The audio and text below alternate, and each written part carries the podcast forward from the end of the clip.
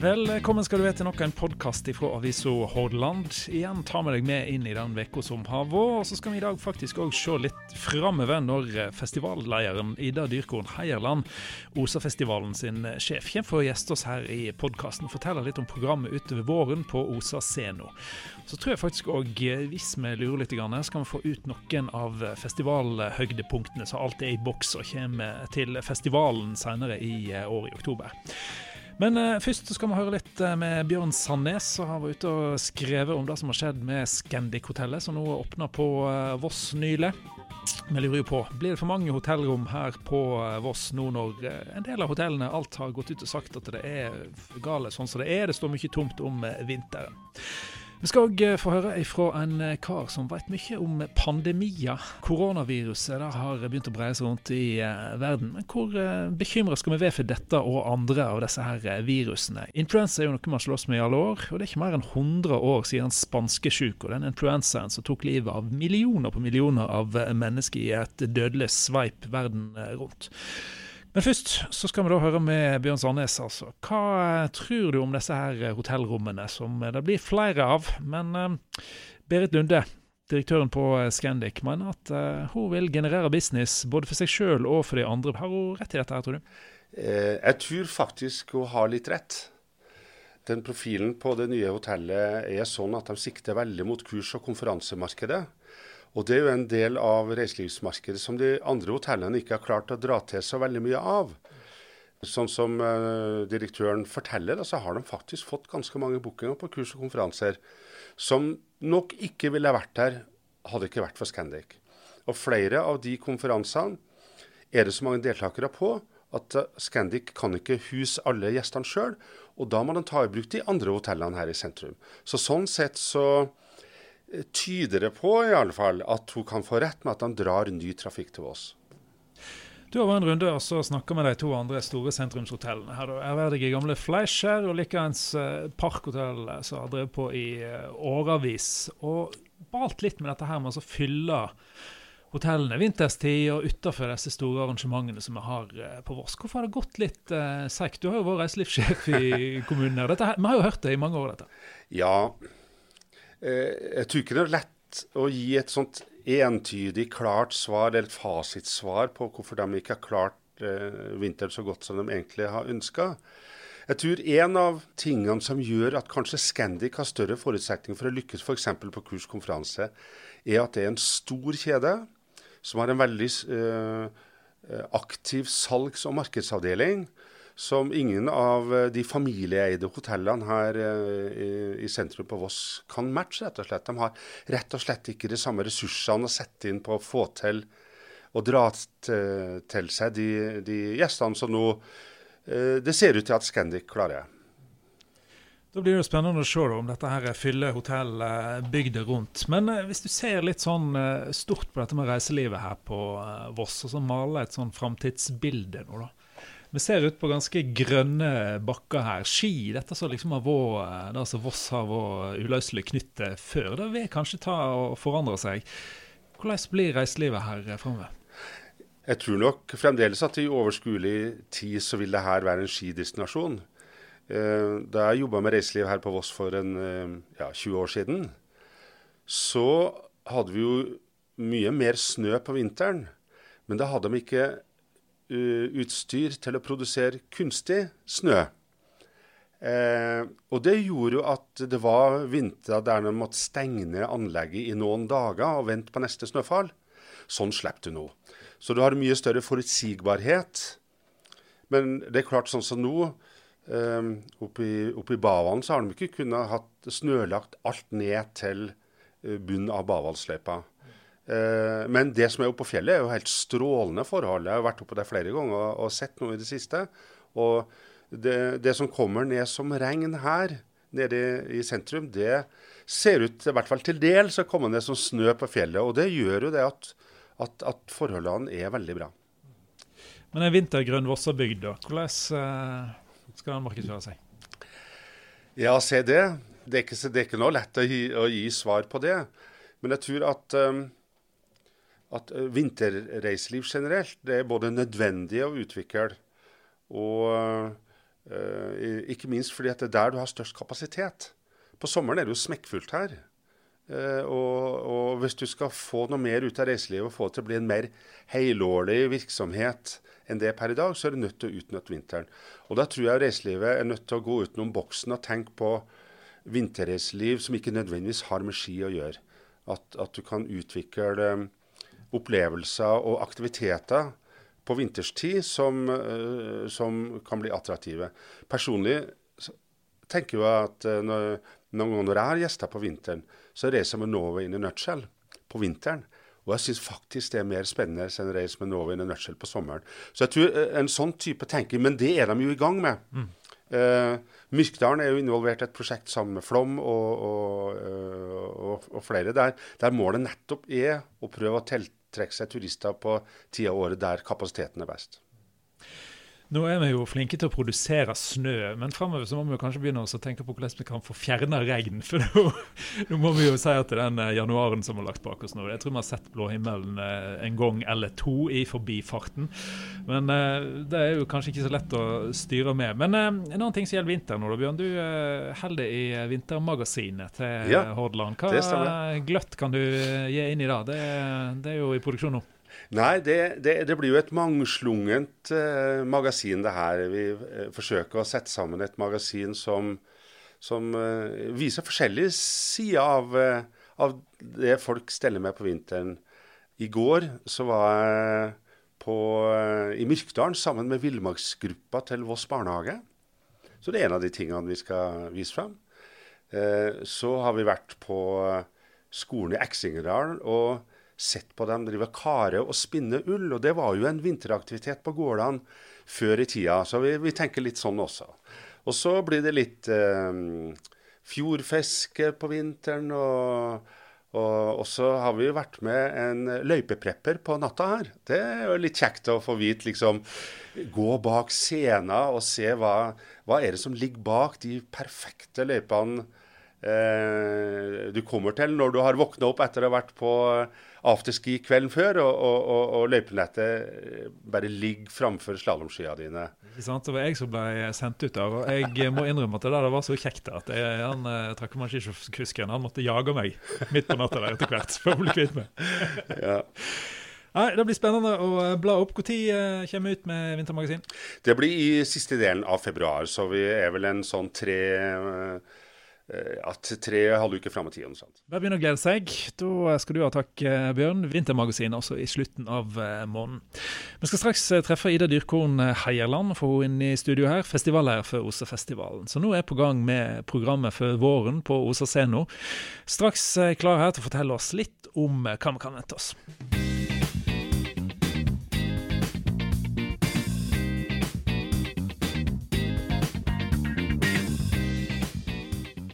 Da skal vi over i å være litt uh, kulturelle her i podkasten til Avisa Hordaland. Uh, det er ikke for ofte. men heller så mye i nyhetsverden. Men uh, det skjer jo så mye kjekt på Voss, og nå skal det endelig begynne å være Osa-scene igjen.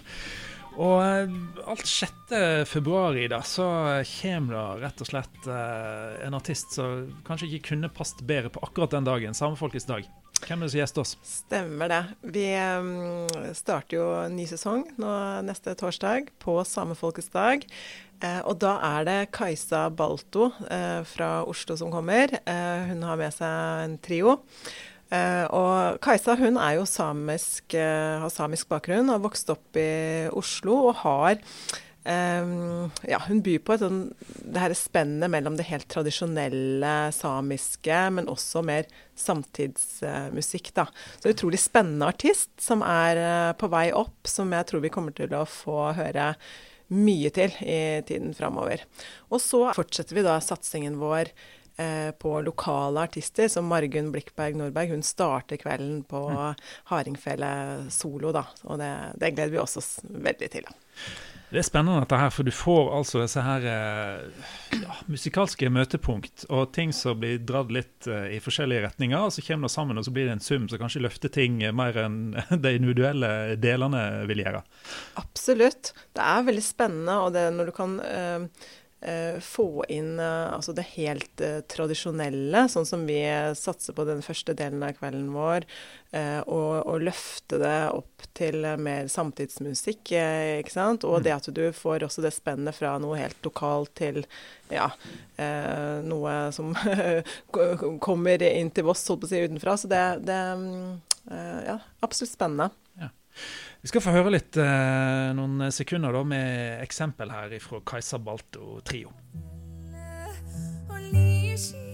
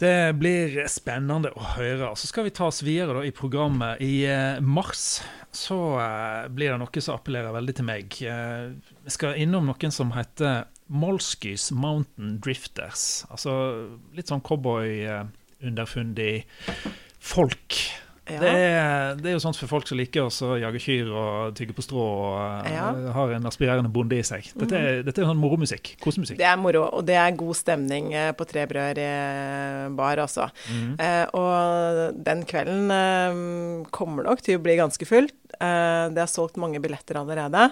Og Bruce Molsky er jo månedens artist på Riksscenen i Oslo eh, Eh, i samme periode som han kommer hit. Så vi er bare utrolig glad for at eh, han eh, legger turen innom Voss. Så ja, det, vi kan love høy stemning den kvelden.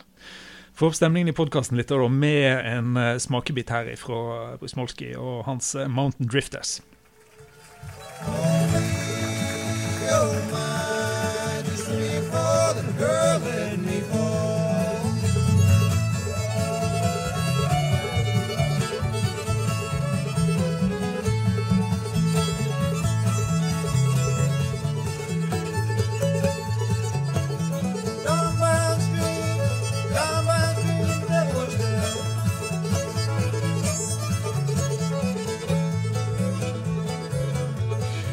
så begynner jo da programmet å ta en litt underlig retning. Eh, ikke musikalsk, for vi skal Eller jo, kanskje òg litt underlig musikalsk. For svensker som liksom driver i krysningspunktet mellom en del forskjellige folkeuttrykk. Det, jo, det kan òg bli eh, underlig. Men det underlige ligger kanskje mest i at du må ut og jakte etter nytt lokale. For hva skjer når Tre Brød ikke lenger er scenen deres?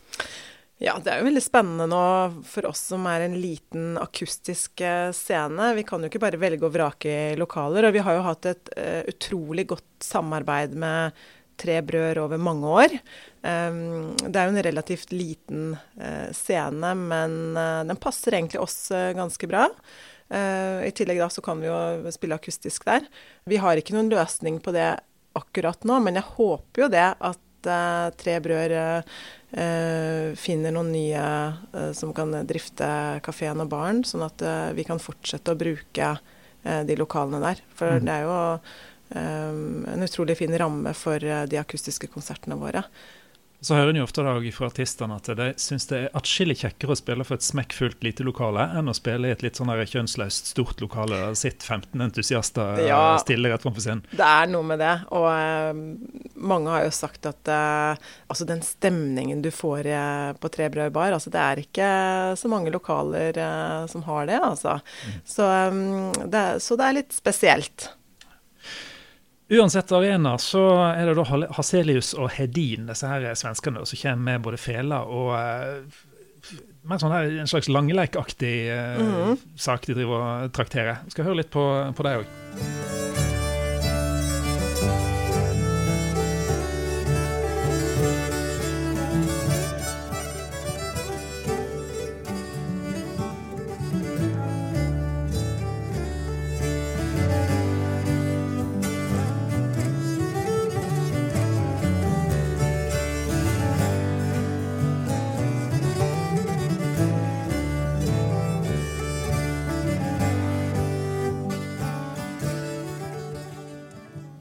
Hazelius Hedin, altså 21. april, eh, svensker. Um, og så begynner vi å se eh, i hvert fall vårsesongen uh, ut eh, der, da. Men um, Osafestivalen, hvis du nå skal tørre å spå litt stort rundt den mm. framover, da. Hva, jeg tipper at du er ei dame som liker å ta steg oppover hele tida, ikke bare bortover. Ja. Hvor går veien oppover for Osafestivalen? Det er, vi har så mye bra på blokka nå, og jeg gleder meg så veldig mye til å dele årets program. Nå er det ikke alt som er um, eh, landa, selvfølgelig. Er, eh, det er fortsatt litt tid igjen. Uh, men um, vi kommer jo til å fortsette den satsingen som vi starta på i, i, fjor, med å løfte tilbudet for barn og unge. Mm. Um, og um, vi har jo en egen kurshelg for de som spiller fele og synger og danser. Eh, som går under eh, da, paraplyen Ung-OSA. vi kommer til å fortsette å løfte solospill gjennom det gode samarbeidet vi hadde med Avisa Hordaland i fjor, solo, altså kaféscena vår. Um, og så ja, det er, det er, Jeg har jo veldig lyst til å Skal jeg tørre å dele noe, da? Du skal dele noe? altså, jeg har jo noen gode hemmeligheter, men hmm. ja, det, Kanskje, um, ja, kanskje jeg skal Altså, eh, det her med dans er jo viktig å, å løfte fram, og noe som um, ja, kanskje Osafestivalen ikke har vært uh, så god på, men der må vi ta oss kraftig sammen. Uh, I år så får vi uh, inn en fantastisk danseforestilling som heter 'De gamle er eldst'.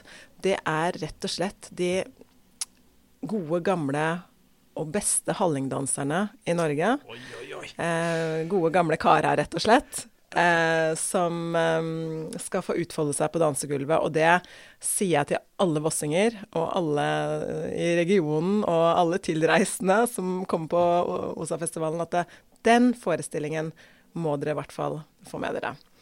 Eh, og så selvfølgelig så kommer det veldig mye utover, eh, spennende utover våren. da. Mm. Da er det bare å begynne å glede seg. Jeg skal i hvert fall se den danseforestillingen, skjønner jeg. For jeg eh, begynner jo å bli blant de gamle som er eldst. Og hvis disse her karene har med seg noen sånn smøreolje for dårlige kne og anklart dette her, så vil jeg gjerne vite hva de går i.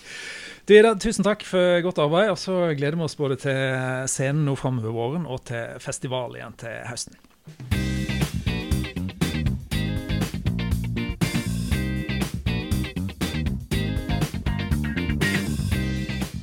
Da skal vi over til noe som eh, opptar eh, og uroer mange for tida. Spesielt kanskje de reiselystne. For dette koronaviruset som nå driver og sprer seg eh, verden rundt, det er noe som gjør mange nervøse. Og Vi har fått med oss en seniorforsker på Norsk institutt for naturforsking. Bjørnar Ytrehus er veterinær og spesialist på disse her sykdommene som kanskje beveger seg i grenselandet mellom folk og dyr. Og pandemi, altså dette at alle som det heter. Pan, demi, demos, folk. Alle folk blir smitta av et eller annet. Hvor, eh, hvor redde skal vi være for noe sånt, eh, Bjørnar? Ja, en, en, skal jo på en måte være forberedt på den. For eh, det er jo et spørsmål om tid. For en eller annen gang så kommer det en, en stor pandemi som sprer seg over hele verden. Egentlig har han jo venta mest på et influensavirus. For det er der sjansen er størst for at det kommer en pandemi. og Det har en jo sett tidligere med som f.eks. spanskesjuka. Men det kan selvfølgelig òg være noe annet som kommer. Dette koronaviruset som vi ser nå, hvorfor blir det ansett å være så veldig farlig at det nå er slått på de virkelig store trommene sånn eh, internasjonalt? Ja, altså det, En har jo hatt eh, to koronavirus tidligere som har, eh, har eh, spredd seg internasjonalt. Det er SARS, som de eh, fleste har eh, hørt om, og som en kaller for MERS. Som SARS kom fra fra Sørøst-Asia, som kom MERS fra Midtøsten. Og en, og en, så at de kunne spre seg relativt hurtig, og at de ga alvorlig sykdom. Så derfor har han fulgt nøye med for å se om det kommer nye koronavirus. Eh, det som nok har fått FN til å, til å, reagere nå, er at det er veldig mange som er smitta. En frykter at dette er noe som er veldig smittsomt, selv om eh, dødeligheten ikke ser ut til å være så veldig høy. Det vil jo typisk være eh, de, de eldre, de unge eller de som har en annen sykdom som gjør at de har et uh, dårlig immunforsvar som blir ramma. Men det er klart at når veldig mange blir syke, så, og det er en sykdom som kan være dødelig, så, så vil jo noen dø. Og det vil jo være en enorm belastning for for eh, helsevesenet og samfunnet ellers. Hva syns du om eh, de eh, rapportene som en hører? Du er jo veterinær og driver mye med dette her med smitte folk, dyr. Tror du at årsaken ligger i litt hvordan ja, I Kina så er det tettere mellom folk, husdyr? Ja, altså Noe av grunnen til at en ser dette i Kina, tenker jeg, er at du har du har en spesiell måte å handle med mat på som vi ikke har i Vesten. At det er mye markeder der en, eh, en transporterer eh, levende dyr til markedet og selger det i der.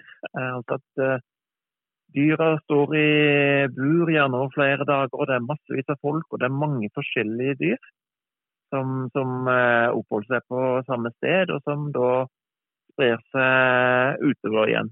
Um, så har du òg det at uh, kineserne har sans for å spise eksotiske ting. altså De har, uh, de har sans for å spise dyr som en vanligvis ikke spiser.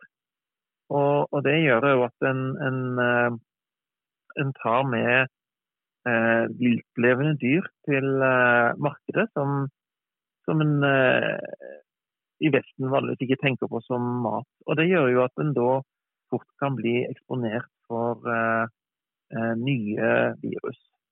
Og en koronavirus der har jo spesielt tenkt på at det er noe som ofte finnes hos flaggermus. Og eh, med SARS så mistenker en at dette eller han har egentlig ganske gode data som indikerer at dette kom fra flaggermus opprinnelig, kanskje via noen andre dyrearter. Og så ut på sånne markeder, og så har det spredd seg derfra. Nettopp. Men uh, nå med disse tiltakene som blir gjort uh, både i Kina og på verdensbasis nå i regi av FN, hvor bekymra skal en gjennomsnittlig nordmann ved her vi sitter på berget og venter på om det kanskje dukker opp et kasus her òg?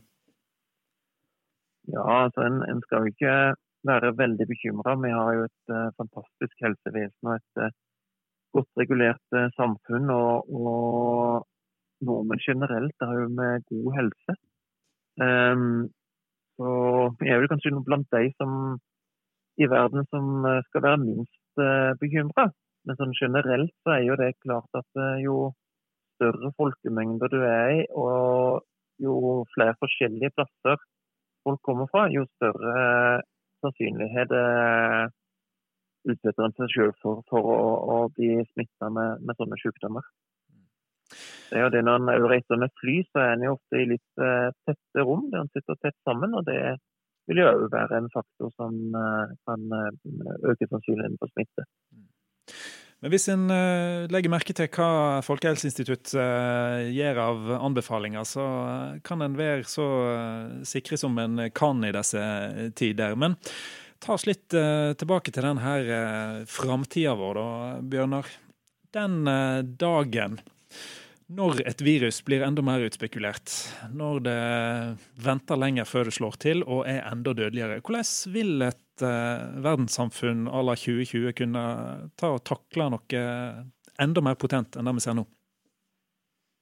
Ja, det er jo litt spennende. For vi baserer jo veldig mye av økonomien vår på at uh, vi skal både reise mye og vi skal uh, transportere varer over lange avstander. Eh, og det gjør oss jo sårbare for, eh, for eh, sånne langtransporterte sykdommer. Det som tidligere var veldig langt vekke, altså f.eks. Wuhan i, i Kina, det, det, er nå ganske nærme. Og Et virus som oppstår der, det, det kan fort transporteres til, til Norge. Så, så, det gir oss jo store utfordringer i så måte. Og så vil det jo selvfølgelig gi oss enorme utfordringer hvis det er en stor andel av befolkninga som blir syke og, og, mange dør. Det vil jo kunne lamme, lamme samfunnet på mange vis.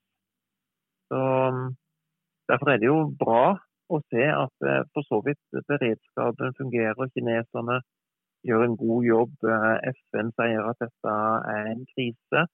Og i laboratorier over hele verden så vil det være folk som jobber på spreng med å klare å finne fram til en uh, vaksine, og, og, til å jobbe for å finne ut hva dette viruset egentlig er, og hvor det kommer fra. Bøtemiddelet her nå, da. Det blir uh, iverksatt en del karantener rundt omkring. Og uh, det blir jobba på spreng med vaksinene hver for seg og samla. Hvor lang uh, tid og hvor effektivt vil dette være? Så hvordan kan vi si at vi ja, nå har vi fått orden på det, nå klarer vi oss? Ja, det det er, veldig mye en ikke vet ennå. En vet jo ikke hvordan viruset egentlig vil eh, oppføre seg. Og, og vi vet jo egentlig ikke hvor smittsomt det er og hvor dødelig er, og hvilket potensial det har. Så, så foreløpig må en jo bare vente og se. Men det å lage en vaksine som, som er, er, ferdig til å slippes på, på markedet og til å, til å, eh, brukes til å vaksinere mange mennesker, det, det tar ofte lang tid. Så da snakker en ofte om år før en sånn utprøving er ferdig. Og eh, basert på erfaringene med, med andre vaksiner som eh, kan ha hatt bieffekter, så, så tror jeg myndighetene vil være veldig forsiktige med å bruke en vaksine som ikke er tilstrekkelig utprøvd. Da er det vel egentlig bare å si at vi får vente og se og følge gode råd. Bjørnar Ruthus, tusen takk skal du ha for at du opplyste oss om eh, dette her fenomenet. fenomenet.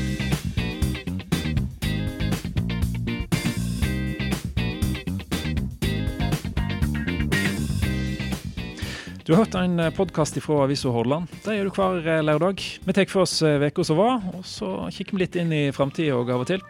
Vi høres om ei uke. Ha det godt så lenge.